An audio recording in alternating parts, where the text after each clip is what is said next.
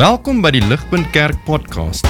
As Ligpunt Gemeente is dit ons begeerte om God te verheerlik deur disippels te wees wat disippels maak en 'n kerk te wees wat kerke plant.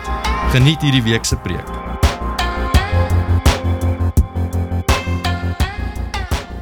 Vriende, ons het drie stories nou net gelees uit die boek van Lukas en ons kyk na stories uit Lukas uit in hierdie reeks van vrygewigheid, maar ons het vanoggend drie stories gelees.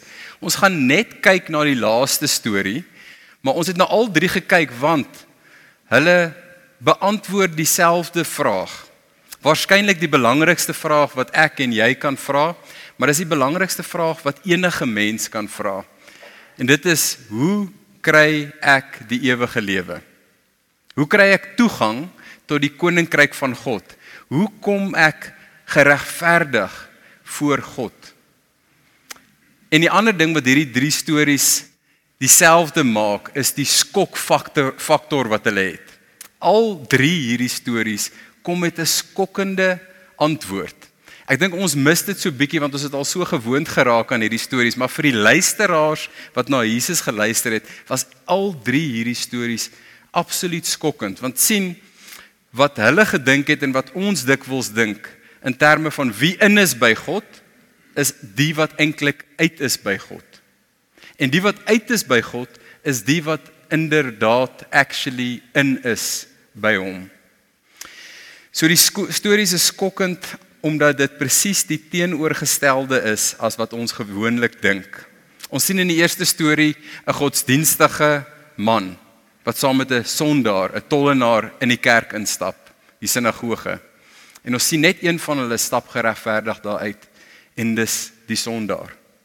Ons sien in die volgende storie die disippels, hulle verbied die kinders, jong kinders wat na Jesus toe gebring word om na hom toe te kom En Jesus verbied hulle om dit te doen.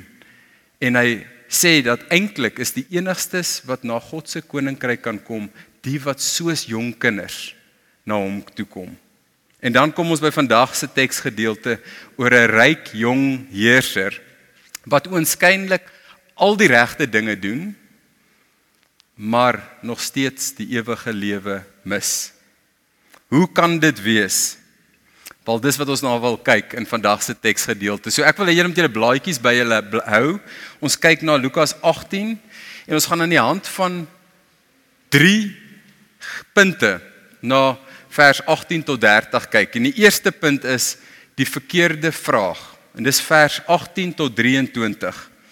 Jy sien die laaste sin van die storie net voor hierdie gedeelte is eintlik die inleidende frase vir ons gedeelte waar Jesus sê wie die koninkryk van God nie soos 'n klein kindjie ontvang nie sal nooit daarin gaan nie.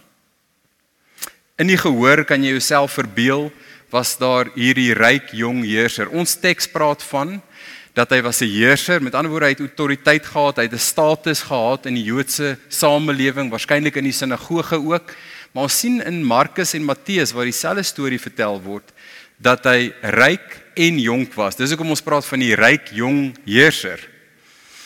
En jy kan dit imagine, Jesus het nou net hierdie skokkende stelling gemaak dat jy moet soos 'n kind, soos 'n baba na God toe kom.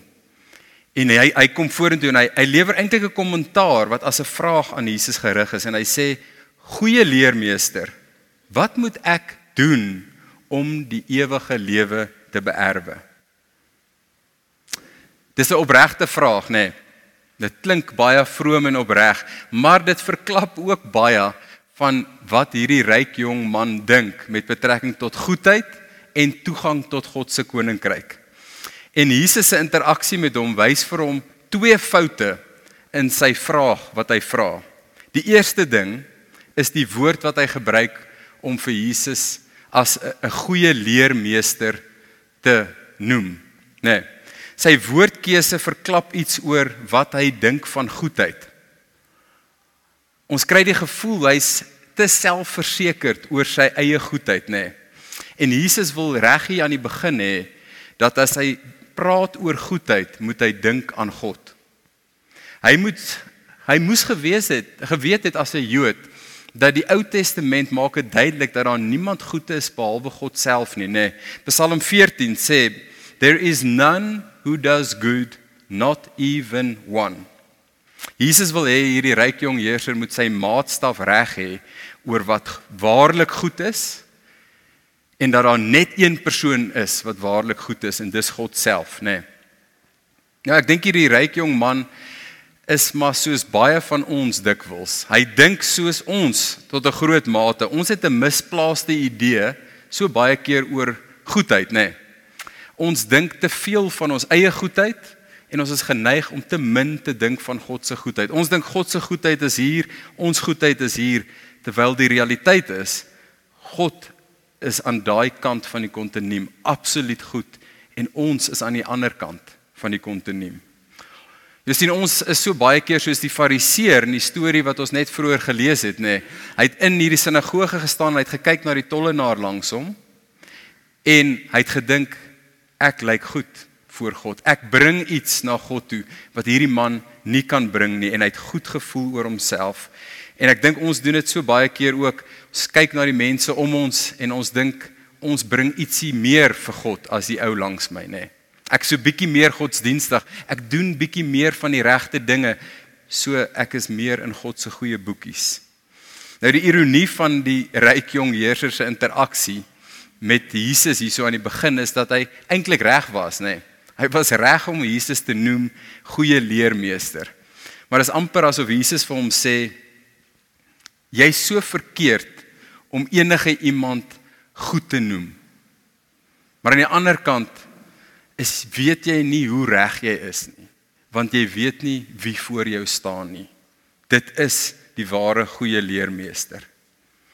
Nou die tweede fout wat hierdie ryk jong heerser met sy vraag maak weet nie of julle dit gehoor het nie maar wat vra hy? Hy vra wat moet ek doen om die ewige lewe te kry wat moet ek doen watse werk moet ek doen hy hy vra eintlik het ek genoeg gedoen? Hy vra, is my goedheid wat ek bring goed genoeg om die ewige lewe vir myself te kan kry? Sien, hier's 'n man wat gewoond was daaraan om vir alles in die lewe te betaal. Kon hy nie maar sy redding, sy toegang tot die ewige lewe ook met goeie werke en gehoorsaamheid betaal nie? Jy sien, dit is moeilik vriende om by die regte antwoord uit te kom as ons die verkeerde vraag vra. As jy 'n rugby speler is en jy vra watter bloedgroep moet ek wees om te kwalifiseer vir die rugby span? Ons is baie moeilik om daai vraag te antwoord, nê. Nee, daar is nie 'n regte antwoord vir daai vraag nie. Maar die vraag verklap meer as dit. Die vraag verklap dat jy nie werklik verstaan wat dit vat om in die rugbyspan te kom nie, om te kwalifiseer vir die rugbyspan nie, nê. Bloedgroep is belangrik, maar dis irrelevant tot toegang tot die rugbyspan. Vriende, op dieselfde manier, gehoorsaamheid is belangrik, maar dis irrelevant tot toegang tot die koninkryk van God. Die hemel word nie verdien deur gehoorsaamheid nie. Dit word gegee. Dis 'n geskenk wat ons ontvang. En die probleem wat hierdie ryk jong heerser het, is dat hy dink in transaksionele terme oor God, nê. Nee. Hy maak sy somme en hy dink, doen ek genoeg om te kwalifiseer vir die koninkryk? Vriende, en voor ons te hart is op hierdie ryk jong man. Ek dink dis hoe ons so baie keer dink. Net dis deel van ons sondige natuur dat ons wil die redding, die goedkeuring, die toegang tot die ewige lewe verdien. En as jy al ooit gewonder het, doen ek genoeg om die ewige lewe te beerwe? Dan maak jy dieselfde fout as die ryk jong man. Jy sien, ons is dan soos daai fariseer wat homself vergelyk met die tollenaar langs hom en dink my somme wys ek is beter as hy. Ek verdien God se goedkeuring. Maar op die einde van die dag kan ons nie ons redding verdien nie vriende. Dis die punt wat Jesus hierso maak maar Jesus is die amazingste beraader hy ontmoet hierdie man net waar hy is nê. En hy antwoord hom op transaksionele terme Dis amper asof hy liefdevol vir hom wys wat sy hartsprobleem is deur vir hom te sê, "Oké, okay, as jy wil praat in terme van somme, kom ons praat dan somme. Wys my jou balansstaat. Wys my of jy in die positief is by God." Hoor wat sê hy? Hy sê, "You know the commandment commandments. Do not commit adultery, do not murder, do not steal, do not bear false witness." And honor your father and mother. Sien wat doen Jesus? Hy vat hom na die 10 gebooie toe, nê. Nee. Nou die 10 gebooie word opgedeel in twee groepe. Die eerste 4 gaan oor ons vertikale verhouding met God en die laaste 6 gaan oor ons horisontale verhouding met die wêreld en met mense om ons. En Jesus vat hom na die laaste 6 gebooie toe. Die horisontale gebooie toe. Die wat met oogopslag lyk asof hulle meer sigbaar is, asof jy hulle makliker kan sien, selfs asof jy hulle dalk makliker kan aftik oog op slag, nê. Nee. Pleeg pleeg jy egbreek? Is daar moord? Steel jy? Is jy gee jy vals getuienis? Eer jy jou vader en jou moeder? En dit is nogal interessant om die ryk jong heerser se reaksie te sien, nê. Dis vol selfvertroue wat hy antwoord al hierdie dinge gehoorsaam ek al van jongs af. Nee, all these commands I have kept from my youth. Maar vriende, selfs in hierdie misplaaste morele optimisme van hierdie ryk jong heerser, weet hy daar's iets wat nie reg is nie. As hy al hierdie goed dan doen, hoekom kom hy na die goeie leermeester toe? Hoekom kom hy? Hoekom vra hy hierdie vraag? Want iets voel nie reg nie. Iets voel onvoldoende in sy gehoorsaamheid. Hy het nie sekerheid nie. En wat Jesus besig is om te doen is om hierdie ryk jong man liefdevol te konfronteer met die hartsprobleem waarmee hy sukkel. En die hartsprobleem, vriende, is die laaste gebod. Jesus het een van daai laaste 6 gebooie uitgelaat in wat hy genoem het vir die man, hè. Hy het net vir hom die eerste eerste 5 van daai 6 genoem. Hy los die laaste een uit wat sê jy, jy moenie begeer nie. Die gebod teen gierigheid, materialisme, covetousness in Engels. En hy los hier die laaste gebod uit want dis die een wat intern is. Dis die een wat onsigbaar is. Dis die een wat ons nie maklik raak sien nie maar dis een wat by die hart is van hierdie man se probleem. En kom ons hoor hoe spreek Jesus dit aan. Hy sê when Jesus heard what the man said, he said to him, "One thing you still lack. Sell all that you have and distribute to the poor, and you will have treasure in heaven.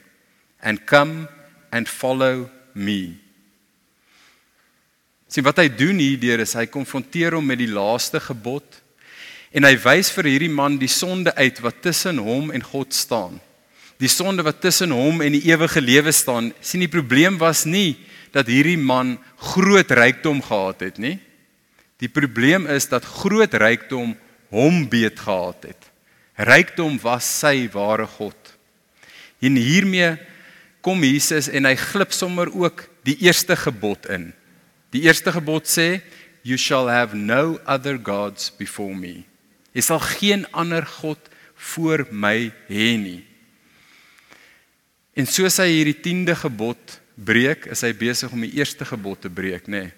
Want dis om iets belangriker as God te ag. En hierdie man se rykdom en wat dit vir hom bied, was vir hom belangriker as God.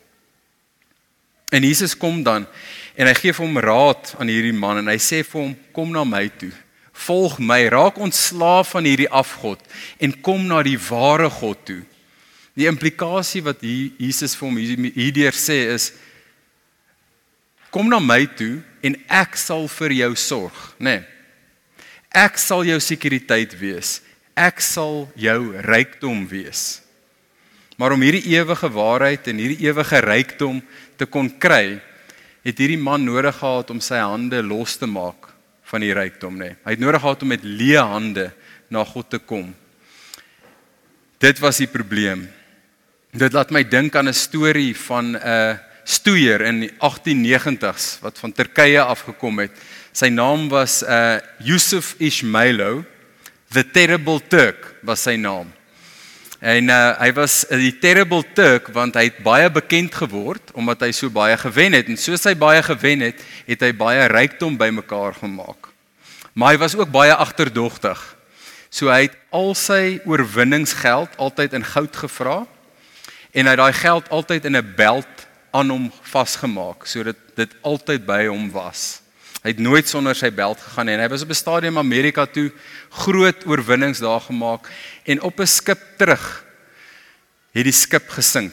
En daar's ooggetuies wat sê terwyl hierdie skip gesink het en die reddingsbote uitgegaan het dat Ismailo die terrible Turk soos 'n wille dier op die boot rondgehardloop het, mense uit die pad gestamp het en om by 'n reddingsboot uit te kom En toe hy by 'n reddingsboot uitkom wat vol mense was, het hy ingespring in die boot en die boot het omgetiep en Ismailo het in die water weggesak met sy beld goud vas aan sy lyf.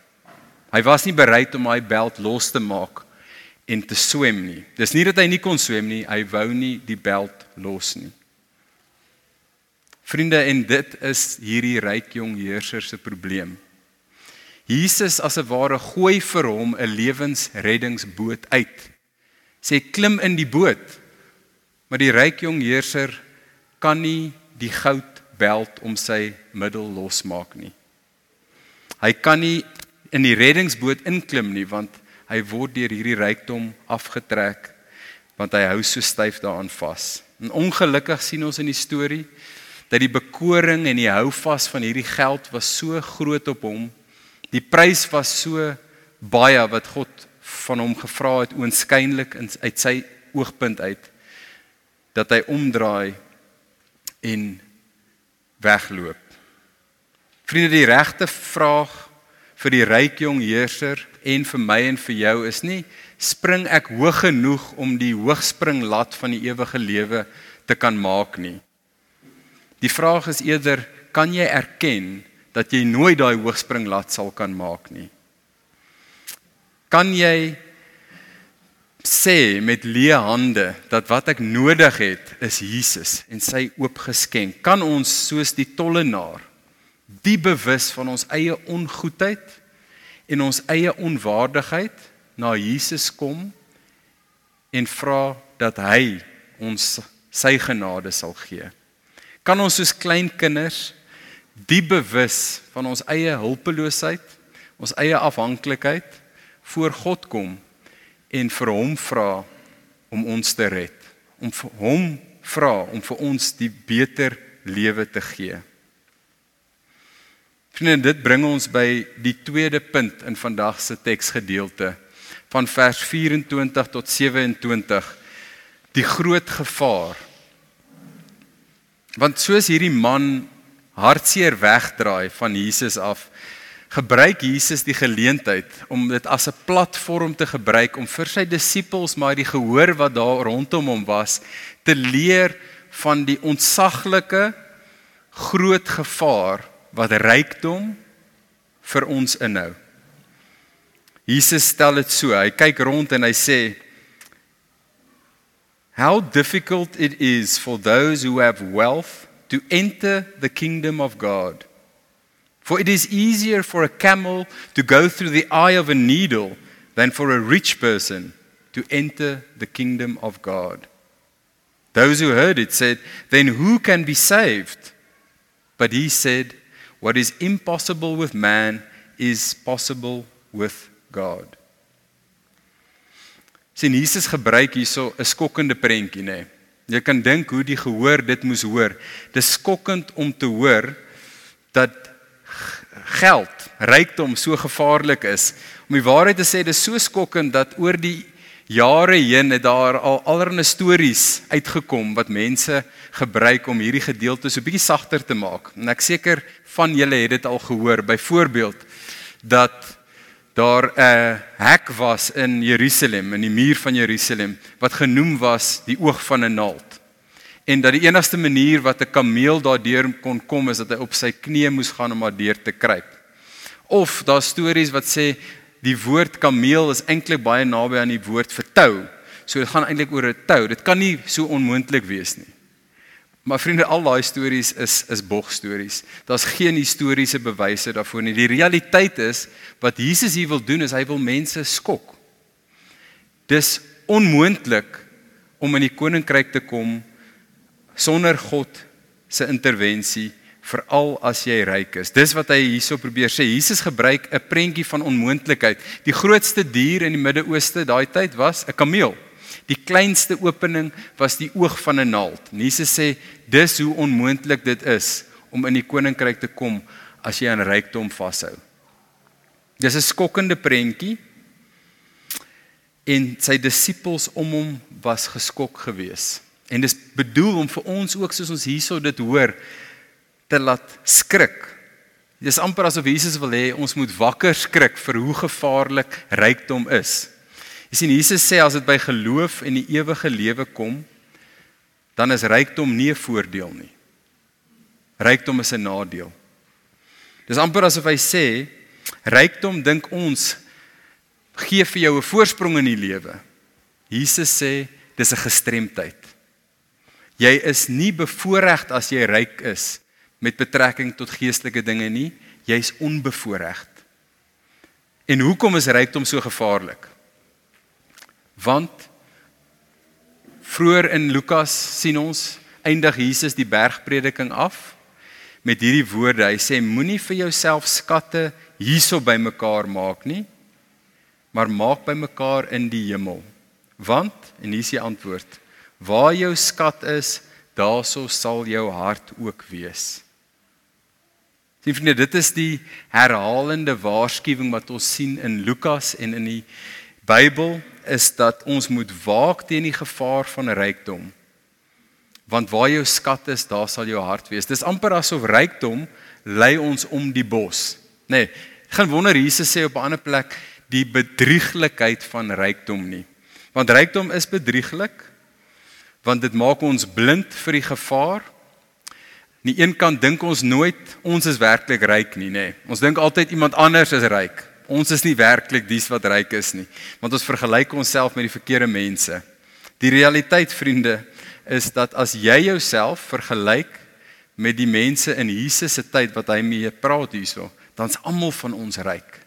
Maar selfs as jy jouself vergelyk met die res van Suid-Afrika, dan's ons ligpunt 'n kerk wat ryk is of jy kan jouself selfs vergelyk met die res van die wêreld se populasie en ons sal in die top 5% wees van mense wat rykdom betref. Jy sien rykdom is bedrieglik ook want sonder dat ons dit agterkom word dit ons sekuriteit. Word dit ons hoop, word dit die ding waarop ons staat maak om ons deur te trek, nê. Nee. In plaas van dat ons op God staat maak, is dit so maklik om op ons rykdom en ons vermoëndheid staat te maak. Rykdom is bedrieglik ook want ons sien dit so maklik word so subtiel 'n uh, iets wat ons as God se goedkeuring oor ons lewens sien nê. Nee. Ons dink rykdom beteken dat God se seën op ons rus. En die Jode daai tyd terwyl Jesus hierdie gesê het, het dieselfde gedink. Hulle het gedink dat rykdom is 'n teken van God se goedkeuring oor jou lewe. En dis hoekom hulle hierso gevra het, na Jesus met hierdie ryk jong man gepraat het en na waar hy weggedraai het. Toe sê hulle maar wie kan dan gered word? As hierdie ryk jong heerser wat alles het, wat lyk of hy God se goedkeuring het, nie die ewige lewe kan ingaan nie, wie kan dan die ewige lewe kry? Sien ons maak so dikwels die fout, dis maar soos die prosperity gospel om te dink welvaart is 'n teken dat God tevrede met ons lewens is. En ons sien in hierdie storie dat dit dikwels presies die teenoorgestelde kan wees. Sien rykdom is ook bedrieglik juis want dit maak daardie ding wat tussen elkeen van ons en God staan so moeilik om te besef en so moeilik om raak te sien. Die realiteit dat ons eintlik arm, hulpeloos, behoeftig voor God staan, afhanklik van hom. Dit maak dit jy soveel meer onmoontlik om soos daai tollenaar sy bors te klop voor God en te sê ek verdien niks. Gee my net u genade, Here. Maak dit so moeilik vir ons om soos 'n kind met leë hande voor God te staan en te vra vir sy versorging, te vra vir sy goedheid en genade om ons in hierdie lewe sekuriteit, hoop en redding te gee. Sien Jesus draai nie doekies om as dit kom by die slegte nuus nie, nê. Ehm um, hy sê dit duidelik. Hy sê redding is onmoontlik. Niemand kan hulle self in die ewige lewe inkry nie. Maar rykdom, vriende, maak dit nog meer onmoontlik. Dis wat hy hierso probeer kommunikeer. Rykdom is 'n gevaarlike hindernis as dit kom by geloof en vertroue in God. Maar aan die ander kant is dit belangrik om ook raak te sien die wonderlike goeie nuus wat Jesus ook hierso gee, nê. Hy sê wat vir God on, wat vir ons onmoontlik is, is vir God moontlik. Of jy ryk of arm is, God kan ons die ewige lewe gee. En hy kan dit vir ons gee vir eendag, maar hy kan dit nou al vir ons gee. En hoe gee hy dit vir ons? Deur sy oorvloedige onuitputbare buite proporsie kry soveel meer as wat jy ooit voor kon vra vrygewigheid. Nê nee, dis sy genade wat ons kry in Jesus. Vriende dit bring my by die derde en die laaste punt wat ons na wil kyk aan die hand van hierdie teksgedeelte. En dit is 'n proaktiewe manier waarop ons hierdie gevaar van rykdom in ons lewens kan beveg En dis daar in vers 28 tot 30 die beste belegging. Kyk saam met my wat daar staan. Hy sê in vers 28 and Peter said, "See, we have left our homes and followed you." And he said to them, "Truly I say to you, there is no one who has left house or wife or brothers or parents or children for the sake of the kingdom who will not receive many times more in this time and in the age to come eternal life. Sien vriende, in hierdie gedeelte sien ons vir Jesus as die beleggingsadviseur, nê. Nee. Die beleggingsadviseur wat nie net vir hierdie lewe vir ons advies gee nie, maar hy is die enigste beleggingsadviseur wat vir ons kan adviseer oor beleggings wat na die dood gaan tel, nê. Nee. Wat 'n ewige opbrengs gaan bring wat geen finansiële krisis of die dood van ons kan wegneem nie. Vir die wat hom vertrou, genoeg vertrou om sy raad te volg. sien Jesus se raad vir die disippels en die mense wat daar so staan is gee weg. Wees vrygewig in hierdie lewe vir Jesus se onthaalwe en jy sal ware rykdom kry en hê. Jy sien rykdom weet almal van ons kan jy nie saamvat tot na die dood nie nê. As jy dood gaan bly dit net hier agter en jou kinders gaan dit waarskynlik mors en verspil. Maar jy kan dit nie saamvat nie. Behalwe behalwe as jy dit in hierdie lewe al verruil vir hemelse rykdom. Net dis wat hy vir daai ryk jong man gesê het. Hy het gesê: "Gee weg en maak vir jou 'n skat in die hemel bymekaar." Dis soos forex. Vir die van julle wat al forex gebruik het om rande in dollars oor te plaas, nê. Nee, jy vat hierdie currency, hierdie hierdie valuta en jy ruil dit vir valuta in 'n ander land. So jy vat rande en jy ruil dit in dollars. Die probleem met ons forex is dat die koerse is so terrible, nê. Nee. Weet jy vir die van julle wat al gedoen het, jy kry altyd minder uit as wat jy ingesit het aan die ander kant. Maar hoor wat is Jesus se terme? As jy dink aan aardse skatte verruil vir hemelse skatte. Hy sê you will receive many times more. En in Matteus waar dieselfde storie vertel word, sê hy hundredfold more. Met ander woorde, die forex koers van aardse skatte verruil vir hemelse skatte is oorvloediglik. Dit getuig van God se vrygewigheid, nê. Nee. Jy kan geen beter opbrengs kry vir jou skatte nie. Maar afgesien van die ewige skatte wat ons bymekaar maak, sê hierdie gedeelte hierdie wonderlike ding dat selfs in hierdie lewe gaan ons al 'n opbrengs kry, 'n wonderlike opbrengs as ons gee. Nee, hy praat van dat ons reeds in hierdie lewe oorvloedige seëninge sal ervaar soos ons weggee vir Jesus se onthaalwe. So soos ons hierso weggee, wat dit ook al mag wees wat tussen jou en God staan of dit jou rykdom is of dit verhoudings is wat tussen ons en hom staan, soos jy dit weggee, kry jy nou al die grootste skat. Jy kry Jesus. Ons kry sy versorging. Ons kry sy goedkeuring oor ons lewens. Ons kry sy sekuriteit, sy hoop, die waarborg wat ons in hom het. Maar ons kry ook die voorreg om deel te wees van sy familie. Om deel te wees van sy liggaam, sy kerk waar hy teenwoordig is in sy mense en waar ons die versorging van God ervaar as die familie van die ware koning.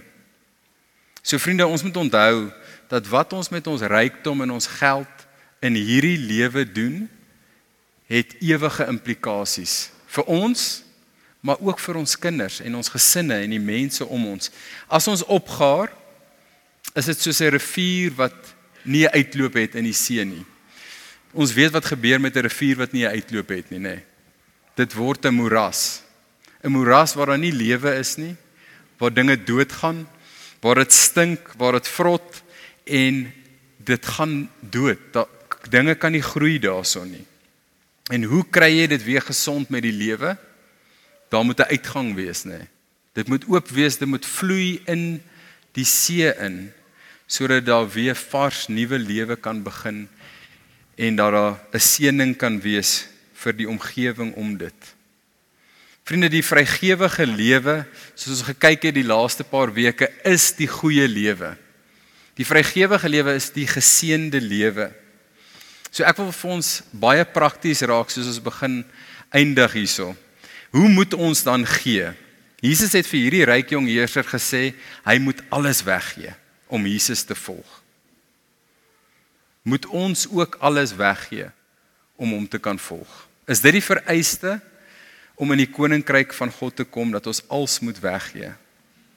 Vriende, en ek wil hierso sê dat die antwoord is ja en nee. Vir hierdie ryk jong heerser was rykdom sy afgod, nê. Nee. Dit kan maklik ook ons afgod wees en as dit is, dan en dit is wat dit gaan vat om die eerste gebod na te kom om God te dien, geen ander afgode voor hom te sit nie, dan is dit die oproep vir ons ook. Maar hoor hoor hoe sê Randy Elkon dit, ek gaan dit hier op die skerm behoort julle dit te sien. Hy sê none of us can enthrone the true God unless in the process we dethrone our other gods. sien ons kan nie God nommer 1 maak solank daar ander afgode is wat daai plek inneem nie. Ons het nodig om eers van hulle ontslae te raak sodat God die troon van ons lewens kan oorneem. Maar is dit die maatstaf vir alle Christene om als weg te gee? Nee, ons sien dat net hierna in hoofstuk 19 het Jesus se ete met die tollenaar Saggeus en aan die einde van daai ete sê Saggeus ek gaan 50% van alles wat ek besit weggee en Jesus sê vandag het redding gekom na hierdie huis toe. So ons sien duidelik dat dit nie die maatstaf vir Saggeus was nie. Ons sien ook duidelik in die Nuwe Testament dat Jesus ryk volgelinge gehad het. Hy het ryk volgelinge gehad wat vir hom gesorg het, vir sy bediening gesorg het. Ons sien ook in die Nuwe Testamentiese kerk was daar ryk ledemate gewees en dat hulle ook by moes dra in hulle rykdom vir die kerk. Maar ons sien ook dat Paulus hulle soos Jesus ook vir ons hierso waarsku sodat hulle baie versigtig moet wees oor hulle geld. Dat hulle nie daaraan moet vashou nie. Dat hulle dit wys moet belê in God se koninkryk en dat hulle vrygewige lewens moet lewe. Ek gaan net vir ons een voorbeeld opsit waar Paulus in 1 Timoteus 2 met die ryk ledemate van die kerk praat. Hoor hoe sê hy en praat hy met hulle. Hy sê as for the rich in this present age charge them not to be haughty nor to set their hopes on the uncertainty of riches but on God who richly provides us with everything to enjoy. They are to do good, to be rich in good works, to be generous and ready to share, thus storing up treasure for themselves as a good foundation for the future so that they may take hold of that which is truly life. Toe ek wil prakties raak en voorstel dat as ons werklik vir Jesus ernstig wil opneem, oor hierdie waarskuwing van rykdom, dan gaan ons intentioneel moet wees oor ons radikaal vrygewig lewe. Ons gaan 'n plan moet hê, anders gaan daar niks gebeur nie. So ek wil vir ons afsluit met 'n vier-stap plan vir ons om lewens te lewe wat oop is en wat vrygewig is na buite toe. So die eerste stap is bepaal hoeveel jy gee van die inkomste wat God aan jou toevertrou. Sit en bepaal hoeveel gee jy weg van wat God aan jou toevertrou. Dis stap 1, eenvoudig. Stap 2, as jy sien dis nie 10% van wat jy kry nie, probeer om in die volgende paar maande by daai 10% uit te kom. Die Ou Testament standaard was 10% van alles wat jy ontvang, moet jy bring na God toe.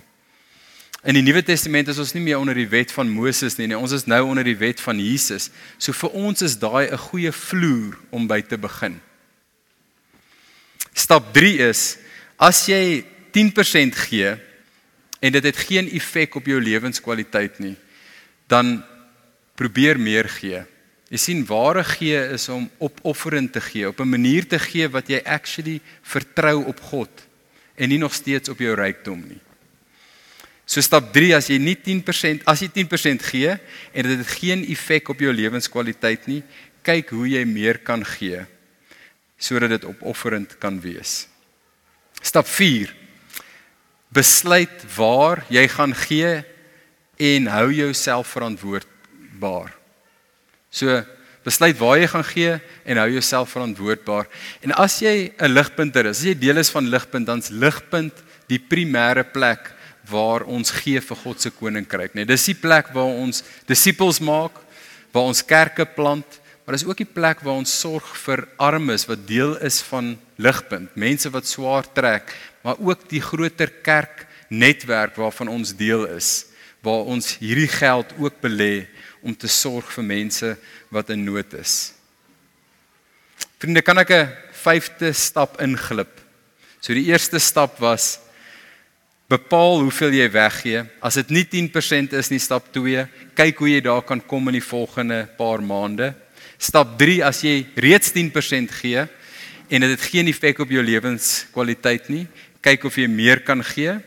Stap 4, besluit waar jy gaan gee en hou jouself verantwoordbaar. En laastens wil ek net hierdie een nog inglip. Doen dit met blymoedigheid, vriende. In 2 Korintiërs ehm um, sê Paulus hierdie mooi woorde. Hy sê God loves a cheerful giver. God is lief vir die wat blymoediglik kan gee. So ek gaan vir ons afsluit vriende. Soos ons hier eindig. Jesus se oproep aan die ryk jong heerser bly die oproep vir elkeen van ons. Hy sê kom en volg my. Wat ook al dit gaan vat, los dit en volg my. En die merkwaardige ding is dat Jesus se oproep is nie leeuwoorde nie. Jesus vra nie iets van ons wat hy nie bereid was om self te doen nie, nê. Wat hy gepreek het, het hy self gedoen. Dis amper asof Jesus vir die ryk jong heerser en vir elkeen van ons sê, kyk na my. Kom na my toe want ek is die ware ryk jong heerser. Ek is 'n heerser, ek is die heerser van die heelal en ek het dit prys gegee. Ek het aarde toe gekom. Ek het 'n mens geword. Ek is ryk. Ek is soveel ryker as wat julle ooit julleself kan verbeel. Maar ek het alles weggegee. Ek het gekom en in armoede ingegaan wat soveel dieper is as wat ons ooit kan dink. Ek het alles verloor, selfs die goedkeuring van my Vader. Ek het alles weggegee sodat die die wat arm is, die wat hulpeloos is kan ryk maak. Dis ons vriende. Ek het my bloed aan die kruis weggegee en ek het nie net 10% daarvan spaarsaamlik weggegee nie. Ek het dit alles laat uitvloei sodat my lewe kon uitgaan om vir julle lewe te gee. Sodat die wat arm is en dit weet, daardeur die ware lewe kan kry. In Korintiërs sê Paulus, though, though he was rich, yet for your sake he became poor, so that you by his poverty might become rich. So ryk dat ons die erfgename van die lewende God geword het. Vriende, so laat ek vir ons afsluit in gebed en vra dat soos ons na hierdie ware ryk jong heerser kom, dat ons in sy voetspore sal kan wandel en sal kan vrygewig lewe sodat ons die ware ewige lewe kan hê. Kom ek bid vir ons.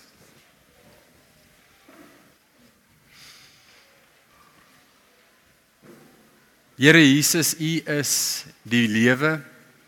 U is die ware goeie leermeester, maar U is ook die goeie herder. U is die herder wat ons lei, wat vir ons veiligheid gee, sekuriteit, wat ons rykdom is en wat ons lei reg tot in die ewigheid in die familiehuis van God. Ons is so dankbaar daarvoor. Here, dankie ook dat ons weet dat soos ons U volg, sal net goedheid en genade ons agtervolg al die dae van ons lewe reg tot aan die einde van tyd. Amen.